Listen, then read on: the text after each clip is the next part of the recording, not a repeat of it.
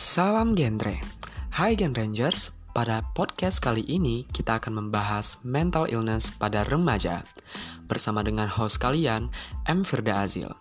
Dan bintang tamu kita pada hari ini adalah Raja Medina Yohana dan Jordan Rizky Maulana.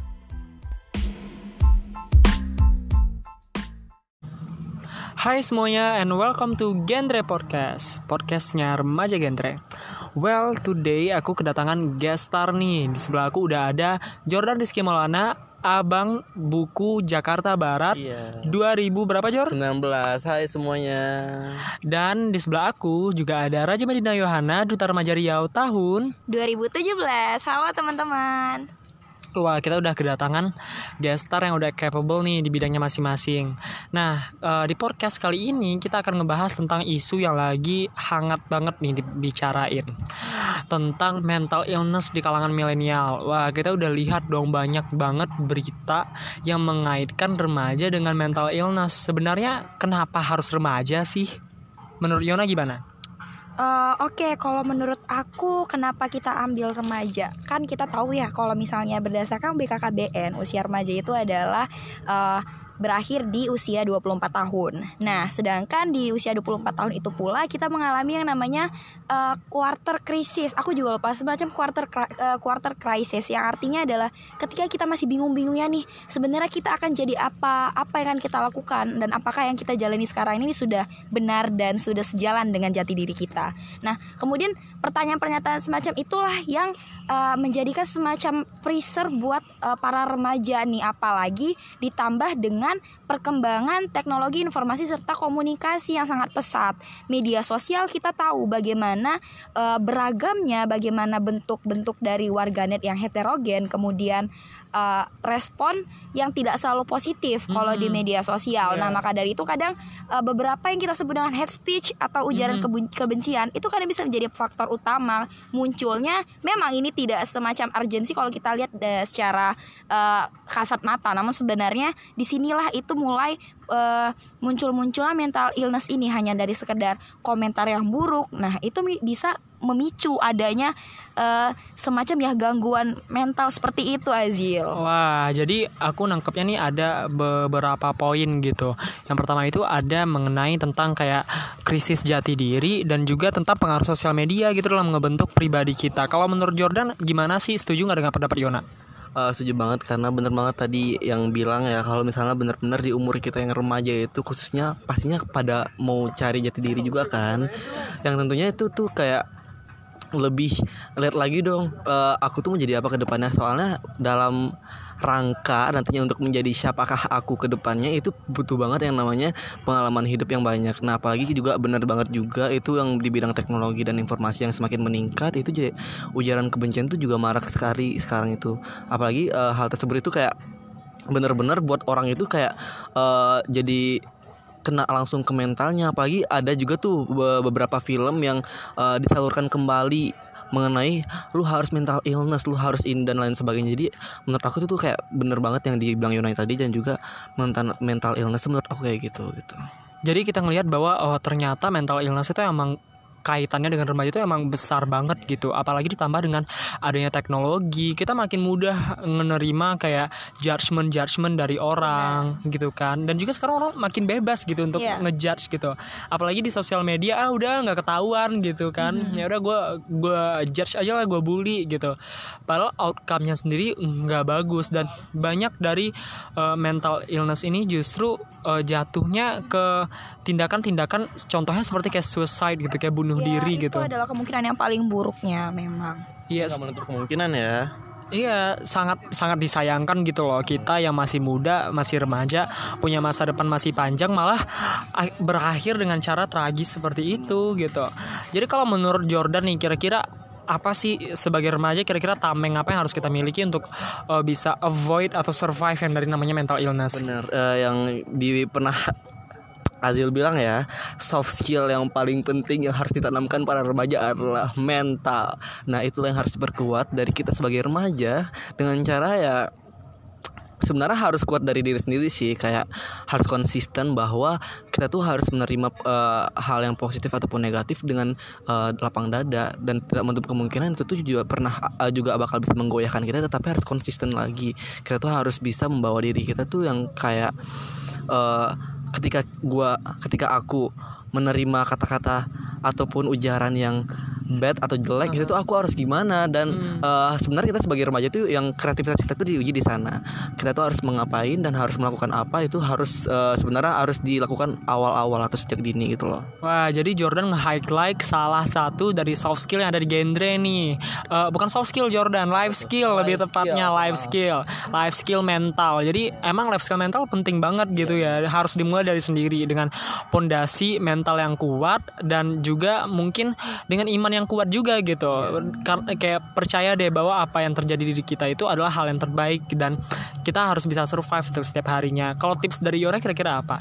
Nah, nyambung nih dari uh, jawaban Jordan dan Azil barusan bahwa ini menyinggung juga soal uh, life skill. So kalau misalnya aku mau concern lagi, yang menurut aku paling penting dan mesti digaris bawahi adalah bagaimana kita face with this age ada um, yaitu satu kita perlu guide hmm Dan guide itu adalah kontrol diri. Yeah. So bagaimana ketika uh, kamu merasa bahwa kamu insecure melihat teman kamu punya tas baru, kamu insecure melihat mereka yang pergi liburan dan lihat dari sosial media. Nah, bagaimana kamu punya kontrol diri loh bahwa dengan apa yang kamu punya sekarang, kamu sudah cukup bisa bahagia. Dan satu-satunya cara adalah bersyukur. Yeah dan itu juga berimplikasi dengan bagaimana hubungan kamu dengan Tuhan.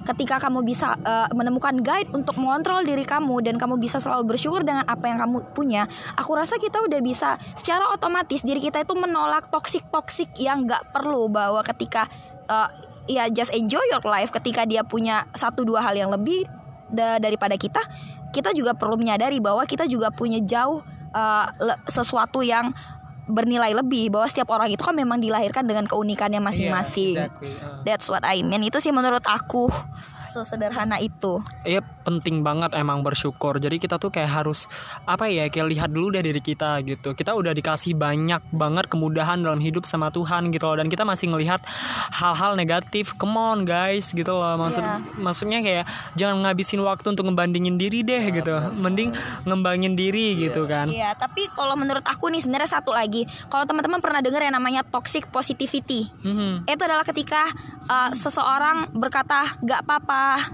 masalah kamu belum ada apa-apanya ketimbang yang lain sebenarnya itu juga bisa dimasukkan dalam kategori toxic positivity tapi dalam artian begini kita it's okay to not be fine. Nggak apa-apa kalau misalnya kamu terkadang mau nangis mau uh, ngurung diri terus diem dulu nangis kejar-kejaran yeah. terus mata kamu bengap ya it's okay it's totally okay. Tapi bagaimana selanjutnya kamu mengatasi diri kamu dan mengontrol itu semua? Iya dan juga nyambung ke toxic positivity. Kayak masih ngeliat nyadar nggak sih kalau masih ada orang yang nganggap bahwa mental illness itu bukan masalah serius gitu loh. Yeah. Maksudnya kayak oh dengan berjalannya waktu bakalan hilang kok, yeah, iya. bakalan udah bakalan reda gitu. Dan sometimes orang-orang tersebut datang dari orang-orang terdekat kayak orang tua. Padahal orang tua itu adalah sosok yang sangat kita perlukan gitu kan dalam perkembangan gitu. Kalau menurut Jordan menyikapi tentang isu ini gimana?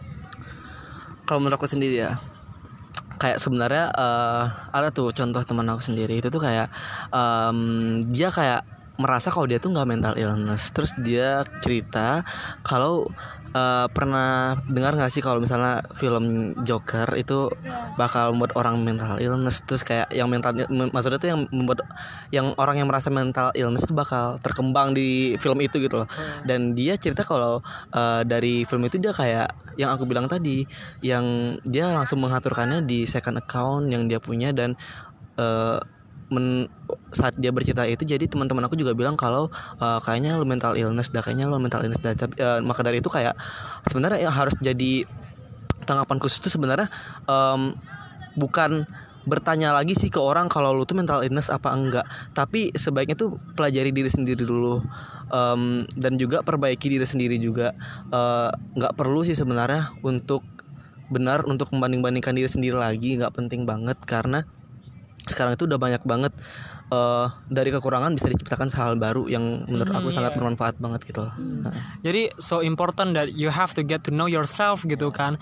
Kalau menurut Yona gimana? Apakah penting nggak sih orang tua juga perlu diedukasi tentang mental illness ini?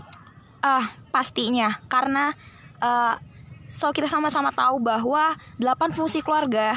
Yang pertama sampai yang kedelapan pun itu melibatkan keluarga karena keluarga merupakan eh, semacam eh, hal yang primer yang benar-benar pertama kali kita lahir dan kita adalah eh, kemudian kita tumbuh dan besar berdasarkan dengan ideologi yang ada di keluarga kita. Namun ketika memang ada masalah mental illness dan keluarga tidak bisa menjadi satu-satunya jalan keluar, eh, ya itu tadi kembali bahwa kita kontrol diri. Bumi berputar dan kita bukan porosnya. Kita Iya. nggak bisa me- semua apa yang kita inginkan dan semua apa yang kita harapkan itu tidak bisa berjalan seperti mestinya yang kita mau. So ketika masih banyak kok eh, solusi-solusi lain, kita boleh cerita sama teman sama teman terdekat. Nggak perlu kalau misalnya memang pun kamu merasa bahwa tem- ketika kamu bicara sama teman itu make it worse, tapi kita aku bilang tadi it's okay to not be fine. Jadi deal with your life dulu aja. Nangis jadi-jadinya it's okay. Gak apa-apa. Yang pasti ketika setelah itu pastikan diri kamu gak akan jatuh di satu titik yang sama lagi. Iya, exactly. Makanya ini apalagi kan aduh genre podcast men. Anak-anak genre seharusnya udah aware dong. Apalagi kita lihat cara mengatasinya tadi ada life skills mental. Dan juga cara jalan keluarnya ada ternyata udah ada delapan fungsi keluarga gitu loh. Jadi kita itu semua udah punya substansinya di sini. Well jadi bisa di- disimpulin sih ternyata bahwa eh, banyak banget uh, penyebab faktor dari mental illness dan juga cara nyelesainnya ternyata juga mulai dari diri kita sendiri gitu loh. Well, diskusi malam ini emang bermanfaat banget pastinya dan semoga kalian juga Iya. merasakan manfaatnya. amin Oke, ini sesi terakhir last word nih dari kalian berdua. Siapa siapa yang mau duluan? Jordan silakan Siapa siapa? Oke oke, Jordan Jordan. Em, gimana ya? Seperti kata Tan Malaka aja ya.